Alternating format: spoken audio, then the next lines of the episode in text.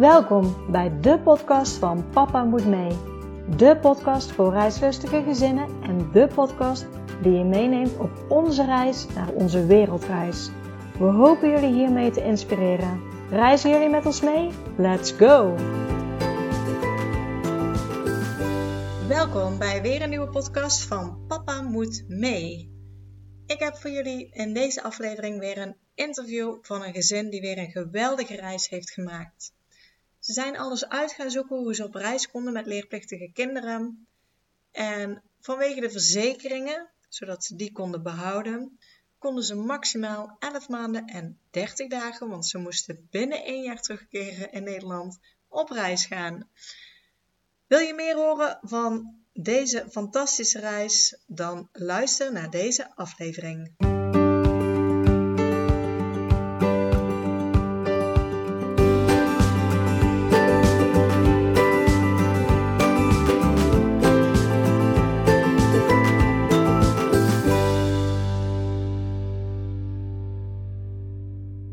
Desiree, welkom bij de podcast van Papa Moet Mee. Goedemorgen.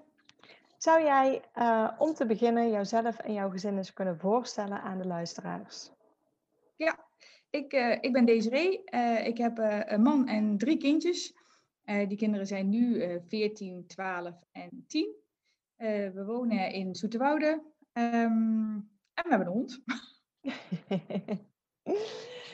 um, nou ja, het is duidelijk als je in deze podcast zit dat jullie op wereldreis zijn gegaan. Maar ik wil altijd even nog starten voor de wereldreis. Dus voordat jullie kinderen kregen, hielden jullie toen ook al heel erg van reizen? Uh, ja, dat is natuurlijk een vraag die we vaak uh, krijgen naar aanleiding van de wereldreis. we hadden het geluk dat um, mijn schoonouders woonden in Costa Rica. Van Nederlandse mensen, maar die zijn verhuisd naar Costa Rica. Dus oh. daar zijn we een aantal keer geweest. Um, prachtig, maar dan reis je natuurlijk met mensen die het land heel goed uh, kennen. Ja. Uh, verder waren we niet zo super avontuurlijk ingesteld. Um, dus uh, nee, het is niet alsof we jaren gebackpackt hebben of we een enorme wishlist hadden van landen die we wilden bezoeken. Nou, leuk, interessant vind ik dit, want dan ben ik heel benieuwd waar dan voor jullie zeg maar op een gegeven moment de droom of de wens kwam of het idee kwam van we gaan op wereldreis. Uh, ja, wij zijn, uh, toen we getrouwd zijn, hebben we een jaar in Australië gewoond.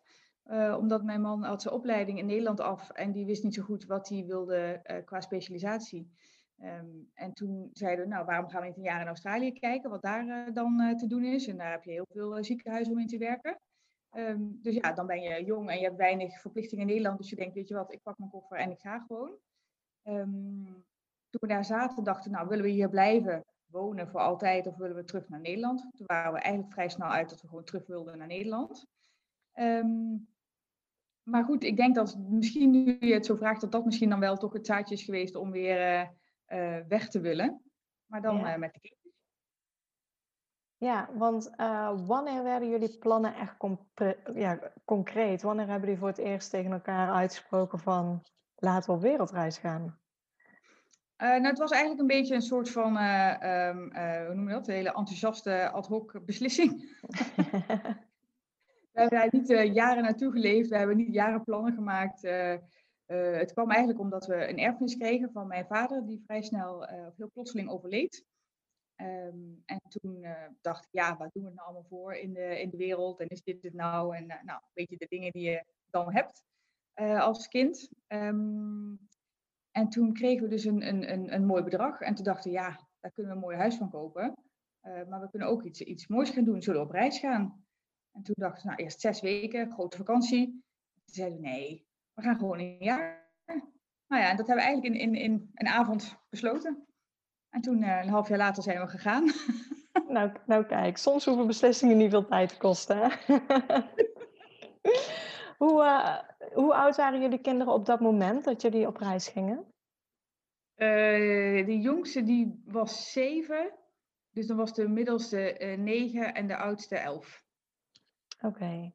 En nou ja, jullie hebben het uh, besloten, jullie kregen een erfenis. Um, jullie hebben het op dat moment besloten en een half jaar later gingen jullie ook al. Ja. Wat is na die beslissing eigenlijk jullie volgende stap geweest um, ja, om jullie droom daarin te realiseren? Ja, we hadden natuurlijk geen idee, want ik dacht je boekt gewoon tickets en dan ga je. Ja. maar zo simpel was het dus niet. Uh, dus ik ben uh, vrij snel gaan zoeken natuurlijk op internet van wat is er voor informatie. En dan komt natuurlijk een hele stortvloed aan dingen op je af die je moet regelen. Um, er is niet echt een handboek voor of zo. De wetgeving wisselt ook nogal, dus dat is ook wel lastig. Um, dus wij hebben eigenlijk een beetje gezocht van oké, wat vinden wij de belangrijkste dingen om goed geregeld te hebben? En welke dingen geloven we wel of zien we wel als we terugkomen in, uh, in Nederland? Um, want ik had het idee dat je het nooit helemaal dicht kan timmeren, want dan kan je gewoon niet weg. Je moet ergens een beetje risico's nemen. Um, wat we dus gedaan hebben, is uitgezocht hoe het zat met de verzekering. Dat vonden we wel heel belangrijk. Dat overal waar je bent op de wereld, en er is iets, dat je terug naar huis kan, dat je goede medische uh, hulpverlening hebt, dat je als je je huurauto in Peru in de prak rijdt, dat dat geregeld is en je niet in de gevangenis komt. Um, dat vonden we heel belangrijk. Um, twee was natuurlijk school. Um, uh, en dat is ook wel een gedoe in zoverre dat um, nou, de leerplichtambtenaar mag voor maximaal drie maanden toestemming geven om te vertrekken. En daarbuiten oh, dat is eigenlijk ook niet. Ja, dat is gewoon, het, het, staat helaas in de wet. Dat is juist het probleem. ik zie heel oh. vaak allerlei dingen voorbij komen op uh, internet. Um, maar de leerplichtambtenaar mag wettelijk gezien niet meer dan drie maanden toestemming geven. Er zijn ambtenaren die dat wel doen, uh, maar officieel mag het dus niet. Dus dat is waar de meeste mensen een beetje tegenaan lopen. Oké. Ja, dan heb je dus gewoon een probleem. Ja. Uh, en dan kan je nog, je kunt nog zeggen, nou ik ga me drie maanden oriënteren op uh, immigratie naar het buitenland. Hè? Of je dat nou gaat doen of niet, maar dat kan je zeggen. Uh, en ook dan is het maar maximaal drie maanden. Um, dus de enige oplossing die er eigenlijk volgens de wet is, is je uitschrijven uit de gemeentelijke basisadministratie. Ja.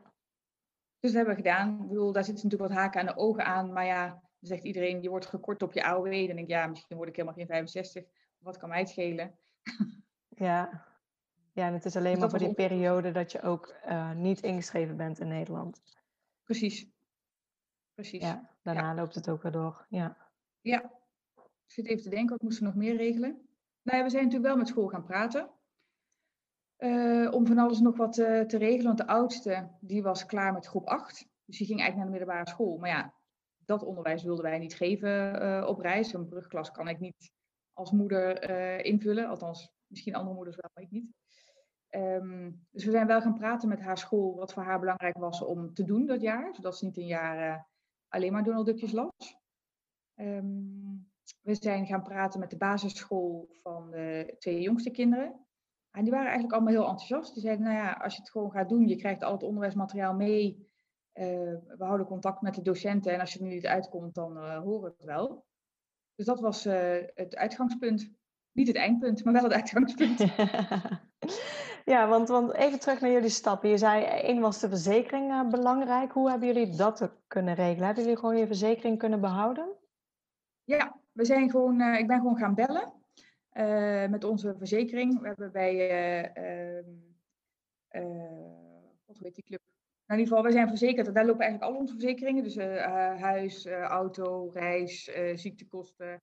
Alles loopt bij één bedrijf. Um, en toen zijn we gaan bellen en zeiden, joh, dit is het plan. hoe werkt dat? Toen zeiden ze, nou ja, dat is een beetje ingewikkeld, want zo vaak doen we dat niet. Ja. Dus je moet eigenlijk een, een, werelddekking hebben. Hè? Dan kom je heel snel uit bij oomverzekeringen. Nou, en dan is je halve reisbudget al um, opgesnoept. Uh, en zij zeiden, nou, we kunnen het wel zo regelen dat je, uh, je mag een half jaar weg onder de gewone reisverzekering. En alle maanden die je daarna weg bent, uh, moesten we volgens mij 50 euro per persoon extra betalen. Mm -hmm. de volwassenen dan, hè. Ja. Um, dus dat kwam eigenlijk nog helemaal prima uit. Het enige maar die daaraan zat, is dat we maximaal 12 maanden weg mochten. Dus we moesten eigenlijk met 11 maanden en 30 dagen terug zijn. ja. Dus nou, dat was voor ons prima. Oké, dus zo zijn de verzekeringen geregeld inderdaad. Ja, op ja. school bij je het gesprek aan gehad. Jouw, jouw oudste was in, in, feite klaar, dus die heeft een soort tussenjaar gedaan. En jouw jongste ja. twee, in welke twee groepen zaten die toen jullie gingen? Uh, de jongste zat in vijf en de tweede in zes. Oké. Vijf en zes. En jullie hebben daar eigenlijk medewerking van de school gekregen, gezegd van jullie kunnen al het lesmateriaal meenemen en we houden contact onderweg? Ja. Ja, wat ik gedaan heb is, um, ik heb dus al die schoolboeken gekregen. Nou ja, niet alles. We hebben ons beperkt tot um, spelling, uh, rekenen, nou, in ieder geval de drie vakken waar je op gecitoed wordt, zeg maar. Ja, de hoofdvakken gewoon, ja.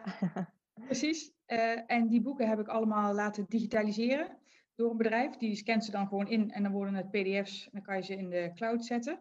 Dus je ja. je er ook niet mee uh, rond te sjouwen. Of als je tas kwijt is, dan heb je ze gewoon in de, in de cloud staan. En we hadden ook de docentenboeken. Dus wij hadden ook de uitkomsten van de sommen of de opdrachten of de dingen die ze moesten doen. Um, nou, en daar zijn we eigenlijk voortvarend mee aan de slag gegaan. En de afspraak met school was dat als ze terugkomen, starten ze dus hè, de jongste in groep 6 en de middelste in groep 7. Kijken hoe het gaat tot de herfstvakantie. En als het echt niet lukt of het werkt niet of uh, ze voelen zich niet prettig, dan uh, ja, moeten we in gesprek kijken wat er gebeurt. Oké, ja. En uh, hebben jullie, want jullie, je bent denk ik eerst naar school gegaan om een gesprek aan te vragen. Ben je ook nog naar de leerplichtambtenaar gegaan? Of heb je gezegd van nou, ik, ik had eigenlijk al gezien dat dat uh, voor ons uh, niet de weg zou zijn. Dus ik heb die stap niet meer genomen. Ja, antwoord B. Ik heb de leerplichtambtenaar helemaal niet benaderd. Ja. Ik had er genoeg over gelezen. Um, er komt ook nog wel een hoop gedoe van als, als je wel informatie inwisselt, in, in, in wint en vervolgens het niet, uh, geen gebruik van maakt. Ik dacht, laat maar zitten. Ja, ja dat snap ik helemaal. ja. um, ja, dus toen was, uh, was de leerplicht ook geregeld. Uh, wat hebben jullie met jullie huis gedaan? dat hebben we verhuurd. dat mag natuurlijk ook niet, hè? Officieel ook niet, nee. Um, uh, ik weet van andere mensen dat er, er zijn wel mensen die toestemming vragen aan de bank. Die dan zeggen van joh, uh, kan ik dat, uh, mag ik dat doen? Ja, de ene bank staat natuurlijk anders in dan de andere bank. en ook hier dacht ik ja, het is wel gezegend zolang jij gewoon je hypotheek betaald krijgt. Um, vind ik het wel goed. Dus we hebben toen gezocht en er zijn natuurlijk van die expat makelaars die je huis kunnen verhuren. Um, maar uiteindelijk hebben we via, via iemand gevonden die er wel wilde wonen voor een jaar. Uh, en hadden we in Nederland, een, op omhoek woont een vriend van ons, die was beheerder van het huis, zeg maar. Dus op het moment dat er iets was, uh, lekkage, sleutel kwijt, weet ik veel, dan konden ze hem bellen. En niet mij in uh, Nieuw-Zeeland, want ik kan natuurlijk dan toch niet zoveel doen. nee, nee, nee. Ja. Nee, Oké, dus eigenlijk de belangrijkste dingen waren ja, geregeld: de verzekeringen, het onderwijs, het huis. Um, hoe hebben jullie je reis samengesteld? Want jullie zijn uh, ja, echt uh, een, een, jaar bijna dan weg geweest. Um, ja, hoe maak je keuzes waar je naartoe gaat? Ja, dat is verschrikkelijk moeilijk. ja. Want eerst denk je, oh, ik heb een jaar de tijd, we kunnen overal heen. En uh, nou, weet je, we, we, kunnen echt de hele wereld zien. Nou, dan ga je een beetje praktischer denken van, oké, hoe lang wil ik ergens zijn? Wat wil ik dan precies zien? Uh, hoe snel reis je met kinderen? Um, wanneer geef je les? Wanneer wil je een keer gewoon in de zon zitten in plaats van op reis zijn? Um, nou, dan, dan heb je dus ineens allerlei factoren waar je rekening mee uh, wil houden. Dus we vonden het heel moeilijk. Dus we hebben een hele grote wereldkaart in de woonkamer gehangen. Toen hebben we alle kinderen mochten vijf landen uitkiezen waar ze graag heen wilden. Uh, nou, wij trouwens ook. Dus we mochten allemaal vijf landen uitkiezen waar wij heen uh, wilden. Daar zat wat overlap in. Dus dat zijn de landen die we er eigenlijk als eerste uitgehaald uh, hebben. Uh, vervolgens hadden we gezegd van nou, we willen heel graag naar uh, Noordwest-Australië om de Kip River Road te doen. En dat is een stuk land wat je alleen maar kan rijden in hun winter, dus onze zomer. En we wilden heel graag naar Patagonië in Chili, waar je natuurlijk alleen maar in onze winter en hun zomer kan komen. Ja. Dus nou, die, die hadden we in de route vastgezet. Zeg maar, nou, daar moeten we zijn in juni, juli in Australië en in uh, februari, maart in Patagonië. Nou, dat ligt nogal ver uit elkaar. Ja. dus ja, toen zijn we gewoon een beetje gaan puzzelen met die rijtjes die we hadden en wat we wilden uh, zien. Even een beetje inschatten van nou, hoe verschillend zijn al die landen. Want Azië is prachtig, zijn we 3,5 maand geweest. Maar toen had ik ook wel even genoeg van Azië. Uh, dus we hebben heel veel gezocht naar um, diversiteit. Dus uh, natuur, uh, beestjes, jungle, cultuur, eigenlijk alles proberen ehm, aan een land te koppelen. En daar zijn we toen mee begonnen. En oorspronkelijk was ons uitgangspunt om met de trein te beginnen, van hier naar uh, Sint-Petersburg. Uh, nou, dan ga je daar weer over lezen en dan zie je mensen met kinderen die daar dan toch een beetje vraagtekens bij stellen. Of dat nou een echt heel goed idee is, zo lang in de trein. Um, dus nou ja, na wat wikken en wegen hebben we gezegd, ja, van die hele reis lijkt Mongolië ons het interessantste land. Dus waarom beginnen we niet daar? Dus dat hebben we gedaan.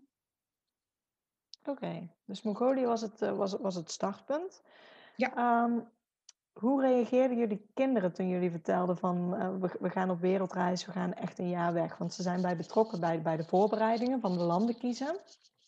Maar hoe stonden zij er in eerste instantie in? Um, nou, de jongste was heel enthousiast. Ook omdat ik denk dat je met je zeven jaar echt geen idee hebt uh, waar je aan begint. Weet je, het is voor ons volwassenen natuurlijk al best wel lastig om voor te stellen dat je echt een jaar uit je rugzak uh, leeft. Laat staan een kind van zeven. Um, maar ja, die had zoiets als ik mijn voetbal mee mag nemen, vind ik het verder wel uh, prima. Zijn wereld is natuurlijk ook nog relatief, was nog relatief klein. Hè? Zijn ouders en de klas en voetbal. Maar ja, het is niet alsof hij al met de trein alleen naar oma in uh, uh, Utrecht of zo ging. de middelste die was echt super enthousiast als we maar wel naar Bora Bora gingen. Als ze, niet, als ze dat niet gingen doen, dan wilden ze niet mee. ja, heel duidelijk.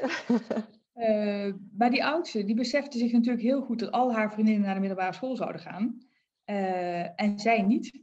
En dan kan je heel goed uitleggen dat een wereldreis een unieke ervaring is. Dat dat heel bijzonder is om te doen. Uh, dat het elf fantastisch is voor het gezin om daarmee bezig te zijn. En zij denkt alleen maar ja, uh, maar mijn vriendinnen dan. Ja. Um, maar ja, goed. En, en dat is prima. En daar heb je het dan over. En gaandeweg wisselt dat een beetje. En uh, ja, uiteindelijk ga je natuurlijk gewoon wel.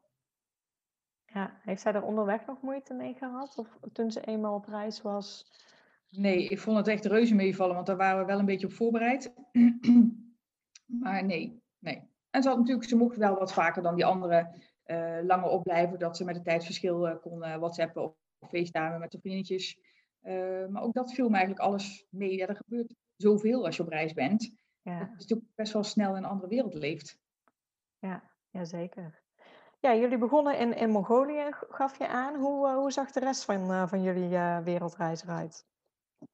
Um, ja, precies. We zijn dus begonnen in Mongolië. Dat was ook het enige stuk van de reis, of het eerste stuk van de reis had ik echt geboekt vanuit Nederland. Omdat ik dacht, nou, Mongolië is zo'n ander land. Ik heb geen idee hoe ik me daar moet verplaatsen. Hoe de, er wordt natuurlijk gesproken over de enorme afstanden die er zijn. En de, er zijn geen wegen of nauwelijks wegen. Dus je moet echt een beetje op je kompas, of zoals onze chauffeur, op zijn gevoel de weg zoeken. Dan zei hij op een gegeven moment, oh, volgens mij moeten we weer naar links. En dan dacht ik, ja, maar hoezo dan? Er is hier helemaal niks. En jij denkt, we moeten naar links, geen verkeersbord, geen uh, elektriciteitspaal, gewoon niks. Uh, maar het kwam altijd goed. um, dus dat had ik wel georganiseerd van tevoren. Uh, en toen we weggingen uit Mongolië, zijn we met de trein naar Beijing gegaan. Dus een heel klein stukje van die Peking ja. Express hebben we wel gedaan. Um, ja, en toen stonden we dus op het um, treinstation van, van Beijing. Daar hadden we voor één nacht een hostel geboekt en dat was het. En dan ga je dus weer, ja, weer verder. En zo hebben we dat eigenlijk iedere keer gedaan met elk land waar we kwamen. En jullie hebben wel van tevoren, want jullie wisten van tevoren dan wel welke landen jullie aan gingen doen. Dus jullie hebben wel gecheckt van heb ik een visum nodig of en al ja. aangevraagd. Ja, ja, dus we hadden ook alle grote vluchten hadden we allemaal geboekt. Dus het was dan zo dat we bijvoorbeeld China inkwamen en dan wist ik wel dat ik drie weken later uh, op vliegveld X moest zijn voor, de volgende, uh, voor het volgende land. Ja, ja. En die visa, dat is wel goed dat je het zegt, want we hebben natuurlijk, um, er zijn een aantal landen, waaronder China, waarbij het best wel ingewikkeld is om een, uh, visum aan te vragen. Ja. Dat hebben we natuurlijk allemaal ver van tevoren gedaan.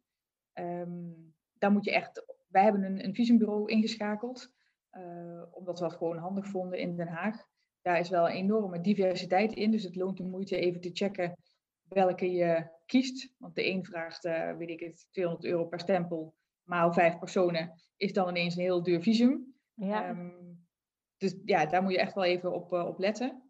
Uh, en we hadden natuurlijk al heel veel inentingen. Dat was ik even vergeten te zeggen aan het begin. We zijn natuurlijk eindeloos gevaccineerd voordat we op reis gingen tegen hepatitis A en B, tegen gele koorts, tegen rabies, tegen weet ik veel. Heel veel. Ja, ja, alles wat je maar nodig hebt. Ja. ja.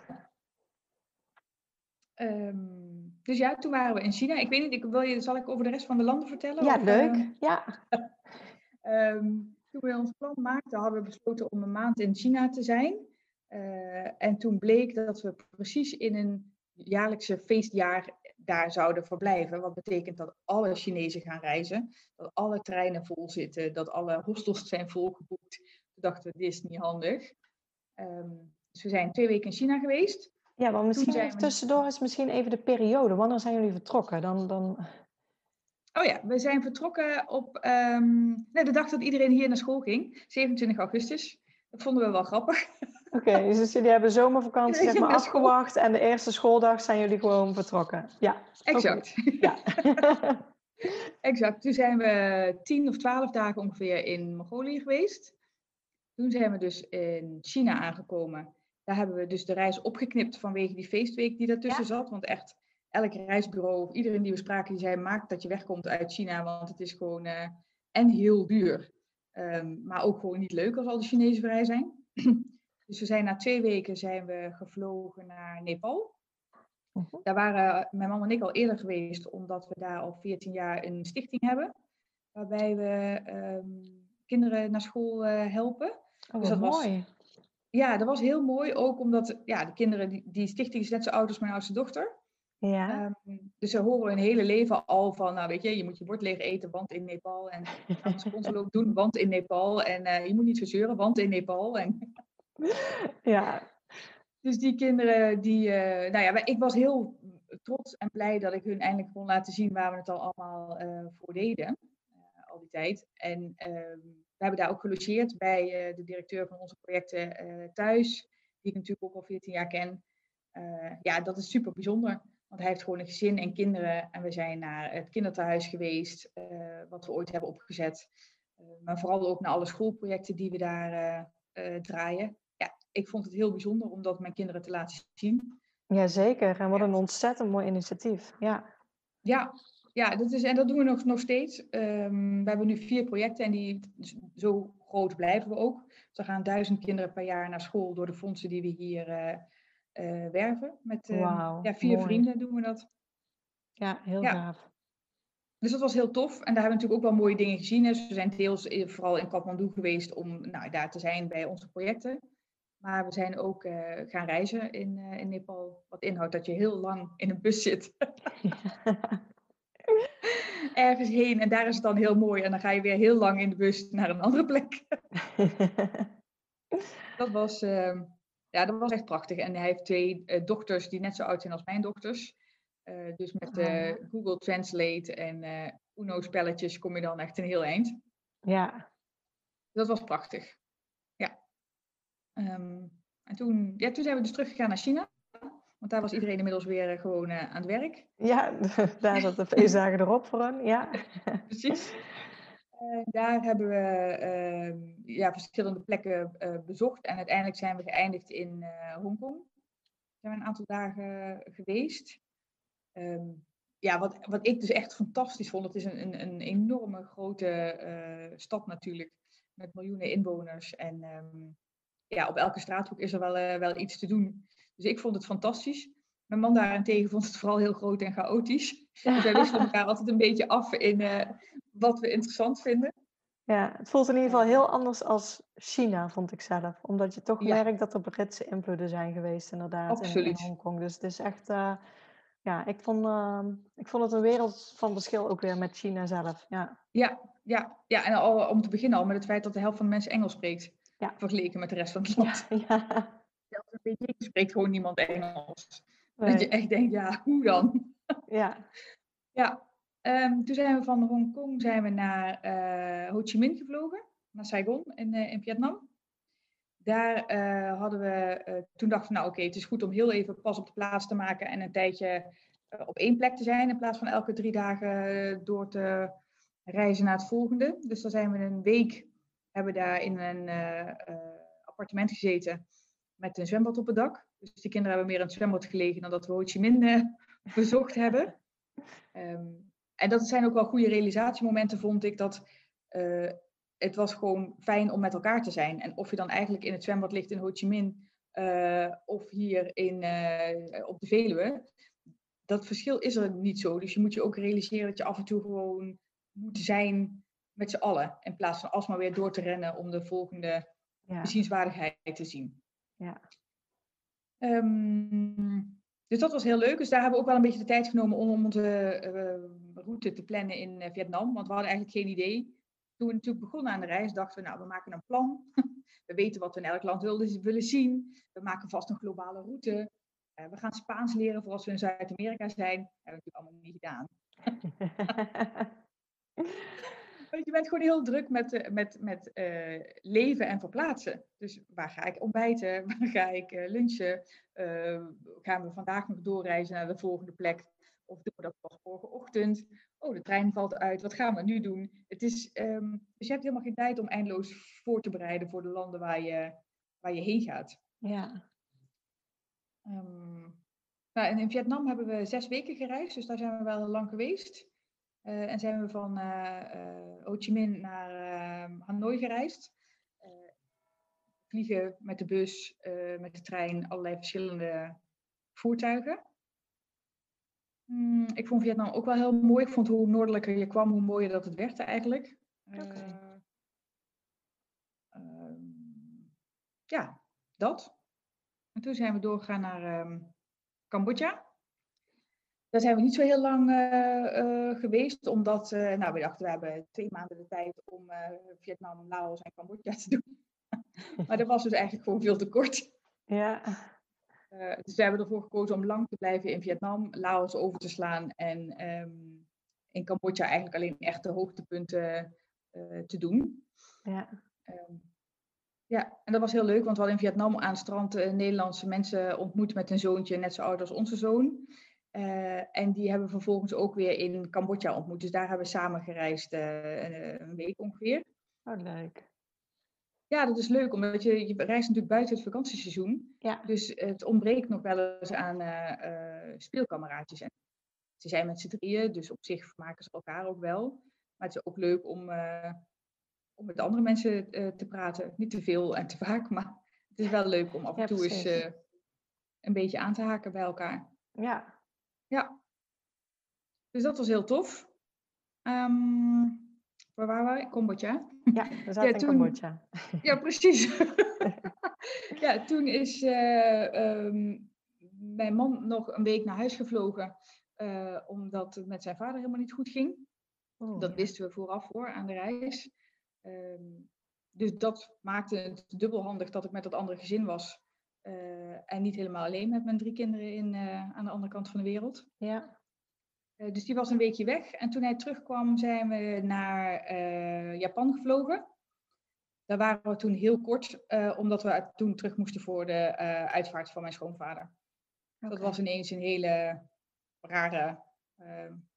ja, dan, dan, dan ben je in Japan en je, bent, je loopt daar en dan ineens moet je dus gaan regelen dat je naar huis komt. Um, en daar komt dus ook wel die goede verzekering om de hoek uh, zetten. Ja. Want vervolgens is alles geregeld. Je gaat dan bellen met de alarmcentrale en vervolgens wordt echt alles voor je geregeld. Um, ja, en dat is super fijn, want je zit er helemaal niet op te wachten dat je dan een ruzie moet maken met de vliegtuigmaatschappij omdat je naar huis wil. Um, dus dat vond ik wel, uh, dacht ik dacht, oké, dit is extra geld echt meer dan waard uh, dat dit nu zo gaat. Dat het gewoon goed geregeld is, ja. Ja, dus na een tijdje in Nederland, een ehm, week of drie, vier, hebben we gezegd van nou, we pakken de reis wel gewoon weer op. Want we hebben alles geregeld. Uh, het huis is verhuurd. Dit was gewoon het plan wat we hadden. Dus we gaan uh, door.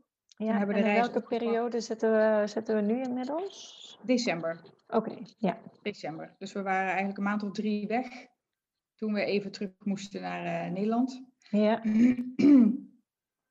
En toen zijn we in januari, de eerste week van januari, zijn we weer gegaan. En toen hebben ja, het kwam toevallig zo uit dat we ook in januari zouden beginnen in Zuid-Amerika. Uh, dus we hebben Japan ja, even laten gaan. Ja. Daar zouden we een maand zijn. Die hebben we dus precies overgeslagen. Uh, toen zijn we begonnen in um, Buenos Aires. Daar kom je dus uit het koude Nederland waar sneeuw lag, notabene.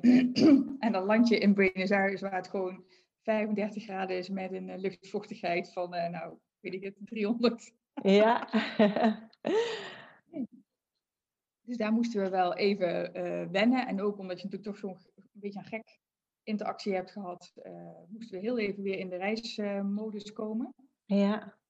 Um, maar ja, Buenos Aires is prachtig en daar, daar is genoeg te doen en te kijken. En heel veel parken met fonteinen waar je in kan, of niet mag, maar wel doet, omdat het zo warm is. Ja, even ehm, afkoelen. Ja. Uh, vervolgens zijn we helemaal naar het zuiden gegaan. Uh, gevlogen, want dat is zo lang stuk. Ja. Uh, dat kan wel, maar dan heb je heel veel tijd nodig.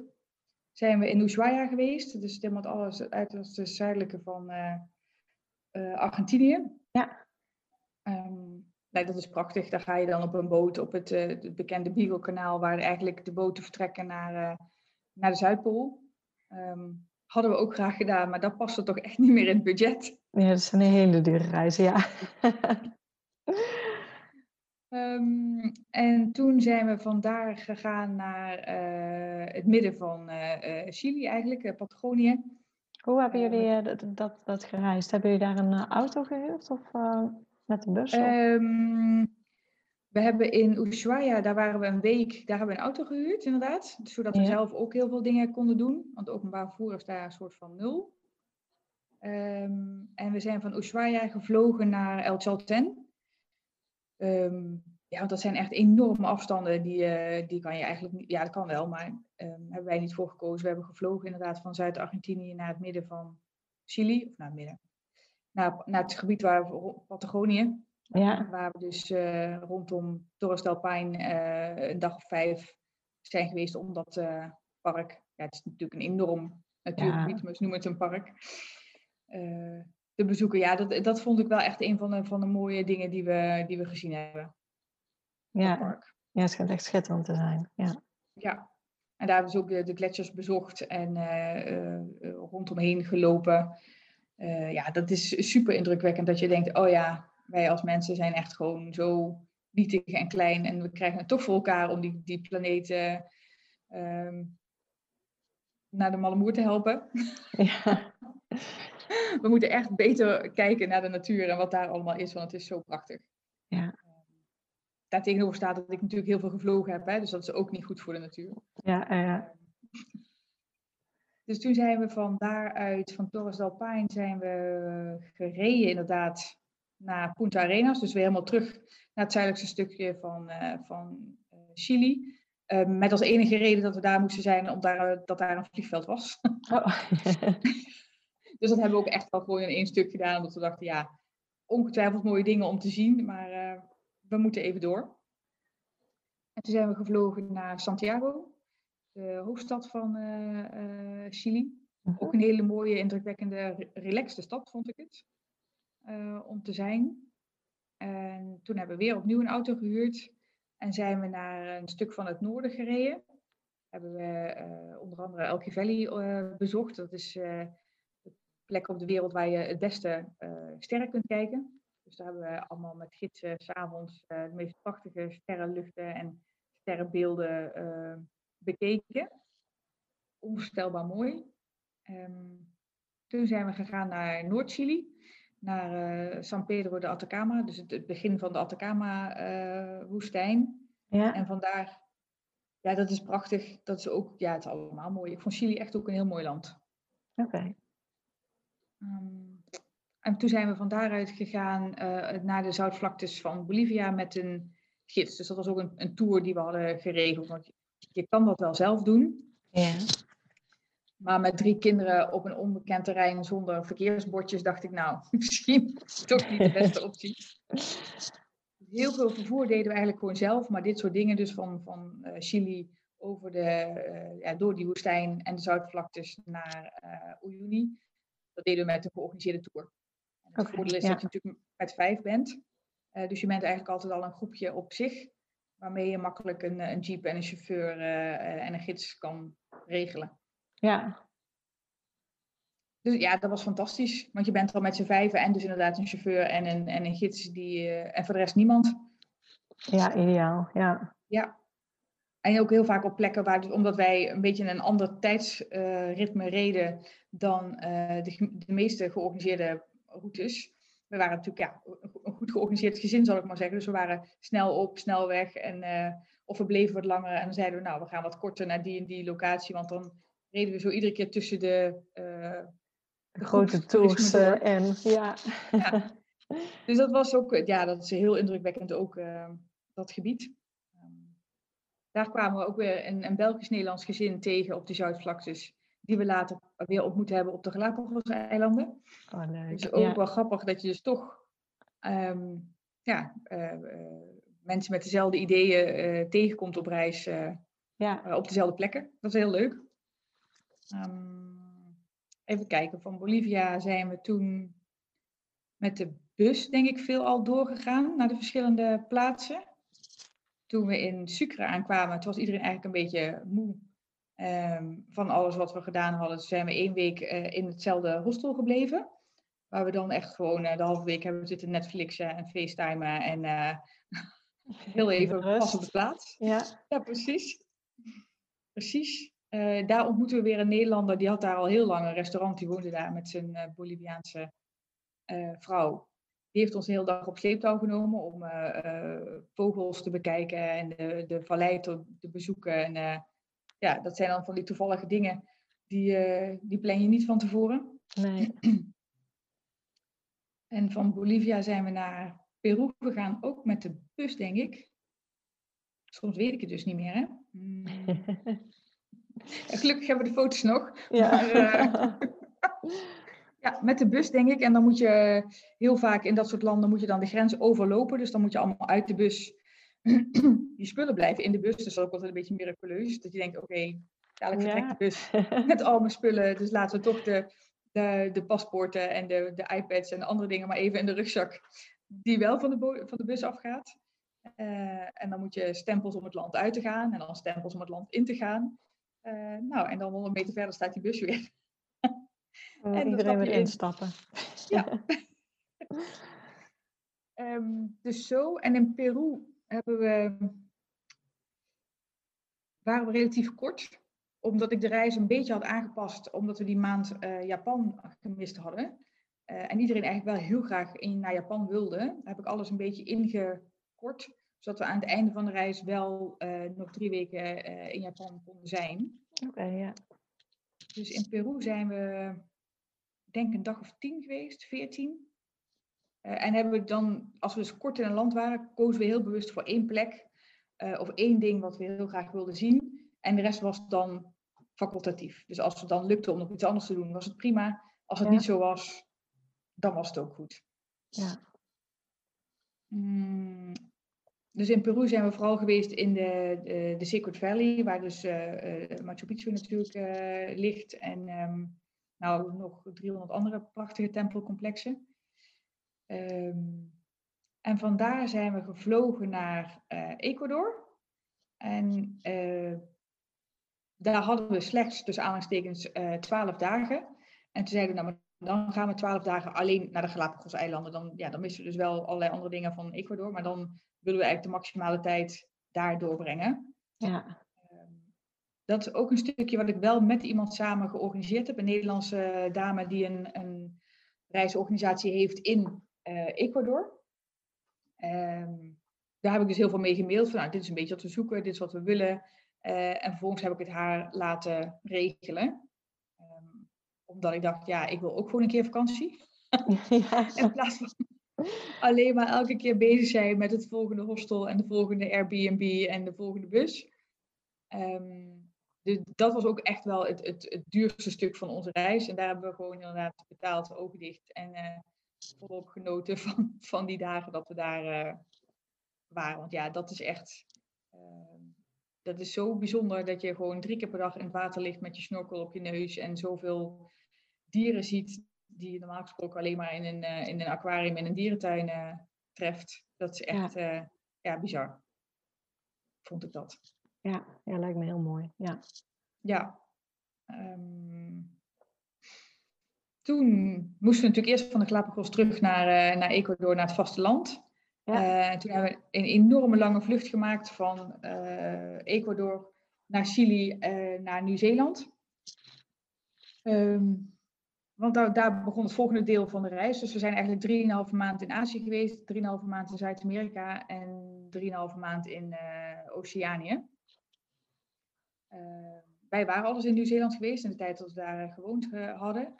En hebben toen heel bewust gekozen, of nu heel bewust gekozen, om alleen het Noordeiland te doen. -huh. Ja, want je kan namelijk ook een jaar reizen in Nieuw-Zeeland. Ja, in Australië alleen, of nou ja. Ja. Dus dat was heel leuk, vooral ook omdat het, um, ja, het was toch ook wel weer een beetje herkenning voor de kinderen. Het is natuurlijk ja, gewoon een westers uh, land.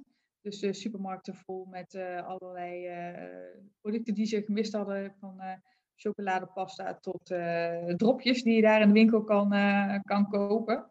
Ja. Um, dus dat was leuk. Het was voor ons vooral een feest van herkenning dat we daar dus 15 jaar daarvoor al een keer geweest waren, of 16 jaar daarvoor. Uh, en Nieuw-Zeeland is gewoon prachtig. Het is een heel makkelijk land om te reizen. Daar hadden we een camper trouwens. Uh-huh. Um, ook leuk. Uh, en daar hebben we vooral heel veel op allerlei natuurcampings uh, gestaan. En dan één keer in zoveel tijd, als de kinderen begonnen te zeuren, gingen we naar een camping met een zwembad. ja, hebben jullie die camper ver van tevoren ook al vastgelegd? Um, nou, daar moet ik even over denken. ik denk dat we het gedaan hebben in Peru. Olivia. Ja, dus een maand of twee, drie. Oké, okay, ja, ja. Ik weet dat het heel erg afhangt van de periode dat je er bent. Wij zaten natuurlijk buiten het seizoen. Ja, dat scheelt um, ook, ja. Ja, dus dat scheelt enorm. Kijk, als je in de zomervakantie, onze zomervakantie, naar Nieuw-Zeeland gaat, dan denk ik echt dat je heel erg op tijd uh, dat soort dingen moet doen. Um, maar bij ons viel het wel mee. We hadden meer moeite om het, om het goed te regelen in Australië, want daar waren we eigenlijk een beetje laat mee. Oké, okay, ja. Dus nee, ja, het is, eh, wat ons ook bijvoorbeeld opviel, is dat we in heel Azië hoefden we nooit iets van tevoren te boeken. Er was altijd wel een hostel of een, een, een hotel of een Airbnb betaalbaar beschikbaar. Uh, en in Chili, omdat we daar dus in het hoogseizoen zaten, liepen we iedere keer tegen het feit aan dat het dus alles volgeboekt was. Oké, okay, ja. Dus dan moet je echt wel creatief gaan nadenken van oké, maar dan gaan we dus heel veel meer uh, op Airbnb of dan maar op um, uh, Chileense uh, huisverhuursites die natuurlijk eigenlijk niet zo goed begrijpen, want het is in het Spaans op goed geluk iets, iets vinden. Uiteindelijk komt het altijd wel goed. Um, maar daar hadden we iets beter over na moeten denken, over de, de huisvesting in, in Chili. Omdat dat ja. echt hoogseizoen was. Ja. Um, nou, Nieuw-Zeeland was gewoon mooi en fijn en, en lekker rustig en uh, heerlijk. en vandaar zijn we een weekje op vakantie gegaan naar Tonga. Ja. Dat is zo'n uh, eiland van uh, Vanuatu, uh, Sa Samos-eilanden eigenlijk, Samoa-eilanden. Um, ja, dat, dat is precies wat je je erbij voorstelt. Dat is gewoon een eiland met zand en prachtige blauwe zeeën waar je vanaf het strand zo met je snorkel het water in loopt om vissen te zien en schelpen en schildpadden. En, nou, fantastisch. Ja, heerlijk. Ja. Dus daar hadden we echt even vakantie. En toen zijn we via Nieuw-Zeeland doorgevlogen naar Australië, naar Sydney. Waar we uh, eerst um, in een appartementje hebben gezeten. en de kinderen Sydney hebben laten zien. Dat was dus ook voor ons, ja, wij waren er al eens geweest. Dus dat was ook heel leuk om er dan na die tijd, zoveel tijd, weer een keer te zijn. En dan met je kinderen. Ja. Dus dat was prachtig. En van Sydney zijn we doorgevlogen naar Perth, naar een vriendje van ons. Daar hadden we ook al een vriendje weer gezien in Sydney. Uh, meegegeten. Dat is ook dat je denkt, ja, we hebben elkaar 15 jaar niet gezien en nu kletsen we gewoon verder. Alleen zitten er drie kinderen naast aan tafel. Ja, leuk. Dat was heel leuk. In Perth hebben we gelogeerd bij een vriendinnetje. en daar konden we meteen in de tuin de tenten uitproberen. Want van Perth gingen we met de auto uh, een hele, zes weken een hele route maken langs de westkust. Um, maar we wilden heel graag even alles uitproberen in de buurt van die verhuurder. Van, nou ja, weet je, er zit alles bij de tenten, zijn alle stoeltjes er, uh, weet ik veel wat. Ja. En daar heeft, nou, niet iedereen, maar veel mensen hebben een, tuin waar je dan dus gewoon twee tenten in kan opzetten. Om, uh, om dat uit te proberen. Daar was het heel koud, daar vroeg het gewoon s'nachts. Oh. omdat het natuurlijk winter was. Ja. Um, maar dat was dus ook super tof. Uh, en vandaar zijn we de hele westkust omhoog gereden. in stukjes. Dus soms reden we drie uur op een dag, maar soms ook wel echt acht uur. Omdat die afstanden daar zo enorm zijn. Ja. Ehm, en toen zijn we dus helemaal via Broome en dan het land inwaarts naar Darwin. En vervolgens naar Alice Springs gereden om de auto weer in te leveren. Oké. Dus dat was heel mooi. En dat was ook voor ons dus wel. Sommige stukken waren voor ons nieuw en andere dingen waren echt wel een feest uh, van herkenning. En, uh, ja. We hebben in um, uh, het vlakbij Exmouth in de buurt gezwommen met um, whale sharks, dus van die walvishaaien. Oh, gaaf. Op, op, open zee. En dan lig je dus met al je kinderen in het water en dan komt er zo'n beest van acht meter, zo heel gracieus voorbij gezwommen. Ja, dat, ik, dat zijn wel dingen die, uh, die we alle vijf denk ik nooit uh, vergeten. Ja, ja, mooie herinneringen. Ja. Ja. Um, even denken. Toen waren we dus in Alice Springs, daar hebben we de auto ingeleverd. Toen zijn we gevlogen naar Cairns. Daar hadden we afgesproken met een gezin die we ook in Vietnam hadden uh, ontmoet. een jong stel met een, een kindje van één dat was ook heel grappig. Dan heb je elkaar in Vietnam gezien en vervolgens rijden camping op in Cairns. En dan staan daar dezelfde mensen waar je dan gezellig mee barbecued. En de oostkust hebben we eigenlijk een beetje rustig aangedaan, want wij hadden het allemaal al gezien. We hebben heel lang dus gewoond aan die kant van Australië. Ja. Uh, en we merkten eigenlijk dat iedereen een beetje moe was van het reizen.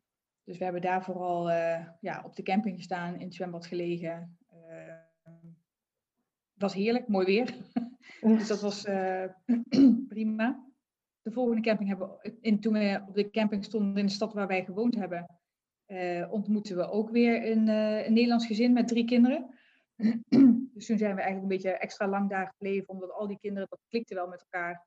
En je merkte dat ze ja, het fijn vonden om een keer te spelen met Nederlandse ja. kindjes. Um, dus van de westkust hebben we verder niet zo heel veel gezien. omdat we daarna dus wel snel door moesten rijden. Uh, omdat we weer in Sydney uh, een vliegtuig moesten halen. Ja. Dus we zijn in totaal wel twee maanden in Australië geweest. Dik twee maanden. Um, dus inmiddels is het de eerste week van juli, denk ik. Toen zijn we nog naar Japan gevlogen. Omdat we dat dus toch ja, wilden zien. En op ja. een andere manier uit Japan vertrekken dan, dan in december het jaar daarvoor. ja, Japan is ook het is zo goed georganiseerd. Het is zo mooi. Het is, er is zoveel te zien. Het is een hele bijzondere cultuur natuurlijk eigenlijk. Ja. En dus ook wel weer een heel contrast met Nieuw-Zeeland en Australië. Want anders dan zie je natuurlijk heel veel van hetzelfde. Ja, dat klinkt natuurlijk vreselijk blasé. Maar als je dan alsmaar dezelfde soort camping tegenkomt en hetzelfde zwembad. En nou, dan is het doel er op een gegeven moment ook wel af. Ja. Uh, en Japan is natuurlijk totaal anders. Dus daar hebben we toen ook drie weken rondgereisd met een auto, denk ik. Ja, daar hadden we een auto gehuurd. Oké. Okay. En dat was de afsluiting van de reis. En toen weer naar huis. Hoe, ja. uh, jullie hebben natuurlijk best veel gereisd. Hoe ging het lesgeven onderweg? Nou, daar begonnen we dus heel enthousiast mee. Dat we zeiden van elke ochtend doen we anderhalf, twee uur. En dan uh, is er na de dag uh, open om, uh, om dingen te doen, met, uh, om de stad op te bekijken of om verder te reizen. Maar we kwamen al heel snel tot de conclusie dat dat zo niet, in ieder geval voor ons niet zo werkt. Want soms moet je gewoon een bus en die gaat om negen uur s ochtends, dus dan kan je helemaal niet je anderhalf uur les doen. soms zijn de omstandigheden er helemaal niet naar, omdat je geen plek kan vinden waar je even rustig dat schoolwerk kan doen. Um, soms hebben de kinderen natuurlijk gewoon geen zin. Ja, dan heeft, schiet je ook niks meer op om te blijven drammen dat het wel moest. Ja. Dus we hebben dat geprobeerd wat flexibeler te maken. Um, en dan zeiden we, we doen het om de dag. Dus de ene dag wel, de andere dag niet. Dat ging een tijdje redelijk goed. Um, maar toen we, ja, ik denk nadat we terug waren geweest in Nederland, um, hebben we het een beetje laten lopen. Omdat we merkten dat er zo vaak uh, gedoe van kwam. Dat we eigenlijk meer strijd aan het leveren waren. Dat die school uh, gedaan moest worden.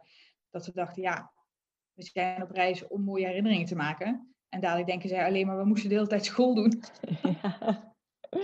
Uh, en ik had er, we hadden er zelf ook geen zin meer in. Weet je, als er dus iedere keer zo'n gedoe is, nou ja, wat dus iedereen nu weet na die corona, coronatijd, hoe dat werkt om je kinderen uh, les te geven. Ja zit je gewoon niet op te wachten als je in, in Cambodja met 35 graden in je hostel met een waaier boven je hoofd de tafels moet gaan doen. Weet je? Ik denk, ze leren zo ongelooflijk veel op reis. Van, van zelfstandigheid tot team woorden in, in de taal van de landen waar we zijn. Ehm, dat dingen dus anders gaan, dat je soms uh, plotseling beslissingen moet nemen om iets op te lossen. Ja, we dachten, het is wel uh, gezegend. Dus de ene, we hebben toen twee dingen steeds wel gedaan. Dus de kinderen moesten elke dag minimaal een uur lezen. Uh, op de e-readers die we mee hadden. Um, en we deden elke avond aan tafel de, de tafelkaartspelletjes. Tot vervelend toe. Ja. uh, maar wij deden als ouders dan maar mee, want dan heb je in ieder geval een beetje de, ja, dat iedereen het, uh, het moet doen. Ja. En ze moesten van elk land, waar we, stel je voor, we gingen dus weg uit uh, Cambodja naar Japan. Dan moesten ze de eerste twee, drie dagen in Japan een presentatie houden over Cambodja. Dus dan moesten ze opschrijven, nou, wat vond ik heel leuk, of wat heb ik geleerd, of maar gewoon echt vanuit hun eigen um, ja, visie en dat was natuurlijk voor school helemaal niet uh, om dat te beoordelen, maar wij vonden het gewoon wel leuk, omdat ze dan op die manier misschien iets meer uh, ja, van het land zouden onthouden en toch bezig waren met een bepaalde vorm van onderwijs. Ja, dus deden jullie die presentaties ook voor, voor, voor de school, zeg maar, voor, voor de kinderen uit de klas, of was het puur voor jullie zelf? Het was puur voor onszelf. Okay, ja. ja. Ja. We hebben ze wel bewaard en toen even overlegd met school om, zullen we ze delen. Maar de kinderen vonden het eigenlijk een beetje gênant. Oh, ja. Dus dat hebben we niet gedaan. Het natuurlijk ook niet zo heel veel toe aan het, uh, het onderwijs uh, wat ze normaal gesproken uh, hadden gekregen. Ze hebben wel natuurlijk allemaal het eerste jaar meteen een spreekbeurt gehouden over een van die landen, want die hadden ze namelijk toch al bijna klaar. Ja, ja precies. ja, waren al voorbereid. Hoe, uh, hoe was het zeg maar bij terugkomst? Want ze zijn dan, uh, ja, jullie kwamen ook in de zomer terug, dus ze zouden instromen in de volgende groep. Uh, dan zouden jullie rond de herfstvakantie even contact hebben. Hoe is dat instromen gegaan? Um, ja, die oudste die ging dus gewoon naar de middelbare school. En uh, nou, die begon dus in, in de brugklas. Dat was eigenlijk prima. Ja. en die andere twee die zijn gewoon begonnen inderdaad in de klas waar ze oorspronkelijk ook hoorden. Um, en toen hadden we eigenlijk al vrij snel door dat uh, onze jongste veel te hard moest werken en op zijn tenen moest lopen om, uh, om die klas bij te benen, omdat hij gewoon bepaalde basisstof van groep 5, die wij dus niet gegeven hadden, uh, miste. Ja. Um, en hij had ook wel, en dat begrepen wij natuurlijk volkomen, maar heel veel moeite met het feit dat hij gewoon weer vijf dagen in de week in een schoolbankje moest zitten. Ja, een grote overgang, ja. Ja, de school zei, ja, hij is zo onrustig. Ik zeg, ja, dat snap ik wel. Ik zeg, misschien moeten we hem heel even de kans geven uh, om, dat, uh, om, ja, om weer een beetje aan te passen. Wat ik zelf ingewikkeld vond, is dat school toch in week twee uh, de CITO-toetsen ging afnemen. Terwijl ik zei, ja, dit is echt totaal zinloos. Want um, ja, ze zijn er 11, 12 maanden uit geweest. En dan ga jij nu de eindtoets van de klas afnemen die die had moeten volgen. Ja, ik weet het niet, succes. Ja. Dus dat werkt natuurlijk niet. Um, maar goed, uiteindelijk met, met uh, wat praten en, en vijf en zes is die jongste na de herfstvakantie uh, naar groep vijf gegaan. Waarbij we hem ook uitlegden van ja, het is helemaal niet dat je blijft zitten. Ik zeg, je ouders hebben gewoon niet fatsoenlijk lesgegeven. Dus je moet het gewoon op school doen met een echte juf. En dat was eigenlijk, het kostte denk ik een week of vier voordat hij daar wel oké mee was. Maar hij merkte heel snel dat hij in groep 5 gewoon mee kon komen. Dus dat hij de opdrachten snapte, dat hij de uitleg snapte, dat hij gewoon, uh, ja, dus niet de hele tijd maar dacht, oh, ik heb het verkeerd, oh, ik heb het niet goed gedaan. Ja. En dat, dus hij klaarde echt wel heel erg op toen hij terug was in, uh, in groep 5. En de middelste was tegen onze verwachting in eigenlijk, um, uh, heeft het allemaal gered in groep 7. Okay. Dus die, die is gewoon meegegaan en doorgaan. Ja, we hebben daar wel wat ondersteuning bij gehad. Uh, gewoon buitenschool, uh, extra spellingslessen en dat soort dingen. Maar um, ja, ik vond het eigenlijk nog reuze meevallen met uh, wat wij gedaan hebben op reis en hoe goed zij zich redden in, in groep 7. Ja, ja. Uh, ja, jullie hadden natuurlijk een, een, erfenis. Hebben jullie onderweg ook nog een budget bijgehouden? Of, of had je een budget in, in gedachten van hoeveel je per land of iets mocht uitgeven? Of hebben jullie dat Nee, daar zijn we wel ooit nou, daar zijn we dus wel ooit aan begonnen. Omdat we, ja, we hadden dus een, een budget in gedachten. We dachten van, nou, oké, dit is het bedrag dat we willen spenderen aan die, uh, aan die hele reis. En um, toen wilden we dat een beetje gaan berekenen naar uh, per land. Dus we hadden eerst een beetje gezegd van, nou, we hebben zoveel dagen, zoveel geld en dan deel je dat. Maar dat staat natuurlijk helemaal niet in verhouding. Want in China aten we voor 25 euro met z'n allen de meest fantastische maaltijden. En daarvoor kon je in Japan nog niet naar de McDonald's. Dus het is, uh, dat hebben we vrij snel uh, losgelaten. Ik moet eerlijk zeggen dat mijn man iets beter was in de financiën dan ik. Dus die zei af en toe, nou, uh, deze excursie gaan we wel doen, maar die gaan we niet doen. Want anders dan, dan redden we het niet. Dus we hadden globaal eigenlijk een beetje een budget gemaakt voor de landen in Azië. Zuid-Amerika en Oceanië. Daar hebben we een beetje de gemiddelde opgezocht van nou, levensstandaard. Wat kost in Australië een camping of een autohuur of nou, weet ik veel. Um, en uiteindelijk kwam dat eigenlijk wonderwel uh, uit. Ja, de Galapagos-eilanden was natuurlijk echt wel uh, een rip uit ons lijf. Um, ja. Maar voor de rest hebben we ons redelijk binnen het budget gehouden. Mag ik vragen hoe jullie, hoeveel jullie ongeveer kwijt zijn geweest voor elf maanden te reizen? Ja, we hebben het een beetje proberen uit te rekenen daarna, want het geld stond natuurlijk op een rekening. En nou ja, uiteindelijk heb ik het niet zo netjes bijgehouden als een accountant. Ja. Maar ik denk dat het tussen de 75.000 en de 85.000 euro was. Ja, ja, dus elf jaar. Dus eigenlijk jullie zijn bijna een jaar weg geweest met vijf personen. Ja. ja. En ja. heel veel. Ja, waarbij die oudste dus inderdaad, ja, die oudste die telde natuurlijk heel vaak als volwassene, omdat ze 12 was. Dus dan moet je bij allerlei vliegtuigmaatschappijen en busmaatschappijen ben je dan gewoon uh, de sjaak dat je het, uh, het volle tarief moet betalen. En die andere twee gingen wel vaak voor uh, kindertarief. Ja. Um, ja, dus ja, ik moet eerlijk zeggen dat ik vond het nog wel overzichtelijk. Bij, bij, bij terugkomst, hebben jullie daar nog iets, um, ooit iets gehoord van een leerplichtambtenaar van de bank over je huis? Of eigenlijk zijn jullie teruggekomen en nooit meer iets gehoord van andere instanties? Nee, je moet dan dus binnen vijf dagen moet je, je melden bij de gemeente, omdat je hebt je dus in eerste instantie uitgeschreven bij de gemeente uh, en je komt dus weer terug. Dus dan um, uh, moet je naar de gemeente om je weer uh, in te schrijven. Um, hadden wij toevallig een hele leuke ambtenaar die alleen maar vroeg waar, wat zei, waar zijn jullie dan geweest en wat heb je allemaal gedaan. Dus dat was eigenlijk prima. En vervolgens kregen we eindeloos lang heel veel post met dat we dus weer ingeschreven waren. En dan krijg je dus hele overzichten van waar je allemaal gewoond hebt, waar je kinderen geboren bent, zijn. Dus al je gegevens uit de gemeentelijke basisadministratie worden uitgedraaid en die krijg je toegestuurd. En ik dacht echt, wat moet ik ermee? Maar uh, ja, ik heb het maar ergens opgeborgen. Nee, wat wij merkten, uh, wat niet doorloopt, is het, uh, het Rijksvaccinatieprogramma voor kinderen. Dus daar komt dan een soort van hiccup in het systeem, want je, bent, je, je komt niet naar de volgende oproep.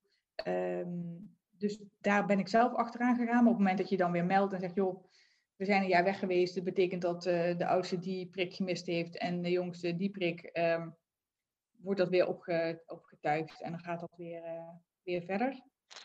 Um, ik herinner me nu ineens wat lastig was met het uitschrijven van de basisadministratie. Is dat je officieel een forwarding address moet opgeven. Ja, hoor ik vaker. Ja. heen. Um, dus wij hebben toen het adres opgegeven van mijn vriendinnetje in Sydney.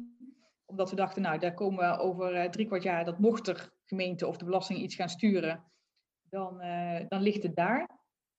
Um, maar gelukkig gaan natuurlijk heel veel dingen digitaal. Dus heel veel dingen zaten gewoon in je inbox van de overheid. Dus dat is wel zaak dat je zorgt dat al je uh, dingen die je moet betalen, dus uh, de waterschapsbelasting of de gemeentebelasting of de, nou weet ik wat, kan je allemaal aanvinken natuurlijk dat je dat digitaal krijgt ja. in je inbox, zodat je met je DigiD overal in de wereld uh, bij dat soort dingen kan. Ja. Maar verder, nee, bank heb ik natuurlijk nooit iets van gehoord. Nee, alles kon ook gewoon weer zo, mijn man kon gewoon weer aan het werk. Um, ja, want ja, daar heb ik het nog niet uh, over gehad eigenlijk. Hoe, hoe zat het met jullie werk? ja. ben, nou ja, we hadden dus dit plan bedacht en dan zegt iedereen, ja, moeilijk, moeilijk, kinderen, moeilijk, moeilijk, huis, werk, hoe moet dat dan? Zo uh, onmogelijk. Nou, ik ben nooit zo goed met nee. Dus ik dacht, nou ja, we gaan het gewoon beslissen. En dan gaan we kijken wat we voor problemen tegenkomen onderweg en hoe we die gaan oplossen. Dus hij is naar zijn baas gegaan en hij zei, joh, uh, dit is het verhaal en dit is het plan. En die man zei, ja, doen, gaan, heel veel plezier. Ik hoop dat je, ik wil heel graag dat je terugkomt. Ehm, de periode van een jaar is natuurlijk ook prettig, omdat je dan een goede, goed vervanging kan regelen. Als je natuurlijk korter gaat, is het voor het bedrijf vaak veel moeilijker om dat in te vullen. En dan moeten collega's dat doen. Maar ja, als je een jaar weg bent, dan moet je gewoon vervanging hebben. Dus dat was bij hem zo geregeld. En ik uh, was toen zelfstandig ondernemer. Uh, en ik, draai, ik, deed heel veel interim uh, klussen eigenlijk op ehm, nou, office management gebied en evenementengebied. En ik heb gewoon geen klusje meer aangenomen. Ja, ik zei, ik ga weg. Ja. En je hebt je ook gewoon bij de KVK ingeschreven kunnen laten staan. Verder ook geen problemen met je eigen bedrijf gehad. Nee. nee, hele goede vraag. Dat mag dus niet. Zodra jij je uitschrijft uit de gemeentelijke basisadministratie. En je bent een eenmanszaak, hè, dus dat is wel even, moet ik erbij zeggen. Ik was een eenmanszaak. En die is dus gekoppeld uh, nou ja, aan één man, ben ik. Dus als ik uit de gemeentelijke basisadministratie verdwijn, verdwijnt ook mijn bedrijf uit de Kamer van Koophandel. Dus dat moest ik ook op, uh, opzeggen. Ik weet dat goede vrienden van ons die ook zo'n reis gemaakt hebben. Uh, hij heeft een eigen BV. En hij kon wel blijven bestaan als BV, uh, eh, omdat daar dan andere uh, regels en wetten aan zitten. Dus het hangt er een beetje vanaf hoe je ingeschreven bent bij de Kamer van Koophandel. Ja, en heb jij jouw bedrijf dan echt moeten stoppen en toen je terug was weer opnieuw moeten beginnen? Ja. Ja. ja. En dat had voor mij niet zo heel veel consequenties. Um, want ik deed gewoon opdrachten uh, uit mezelf, als mezelf. En daar was verder niks, ja. niks mee gemoeid. En toen ik terugkwam, heb ik mijn bedrijf wel weer uh, opgestart. Um, maar eerst ben ik bezig geweest om de kinderen weer een beetje te laten landen op school. man die ging natuurlijk gewoon weer werken, dus ik draaide een beetje nou, het huishouden, zal ik maar zeggen. Um, en tegen de tijd dat ik wilde gaan solliciteren, kwam corona voorbij. Oh ja. Ja. en in de evenementenbusiness is natuurlijk, uh, was natuurlijk helemaal niks te beleven. Nee. Uh, dus dat hebben we zo een beetje gelaten. We hebben een huis gekocht en verbouwd. Dus dat was mijn uh, bezigheids... ja. Precies. yes. Dan heb ik voor jou nog ditjes of datjes. Dus uh, ja, maak gewoon een keuze wat het eerst in je opkomt. Ja. Een stedentrip of strandvakantie? Oeh, stedentrip. Auto of vliegtuig? Vliegtuig. Backpack of koffer? Uh, backpack heb ik geleerd. Airbnb slash hotel of kamperen? Oeh. Eigenlijk allemaal, maar Airbnb met kinderen is wel fijn. Zomer of winter? Zomer. Zwembad of zee? Zee. Bergen of strand? Dan de bergen. Europa of buiten Europa? Buiten Europa. Roadtrip of één vaste plek? Roadtrip. Dat waren ze. En dan heb ik nog de laatste vraag. Wat uh, is jouw tip voor gezinnen die ook op wereldreis willen gaan? Uh, ja, ga het gewoon doen. Laat je niet tegenhouden door uh, allerlei mensen die zeggen dat het moeilijk of ingewikkeld is. Je komt ongetwijfeld dingen tegen waarvan je denkt, oh, hoe moet ik dit nou oplossen? Dat kan zijn in de voorbereiding of als je op reis bent. Um, maar het is zo'n fantastische ervaring en iets wat je de rest van je leven meeneemt. Zeker ook meegeeft aan je kinderen.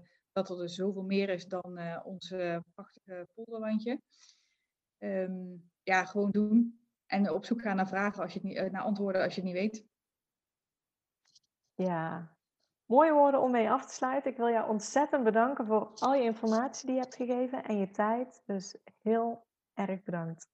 Ja, graag gedaan. Wel leuk om het nog weer zo uh, te vertellen.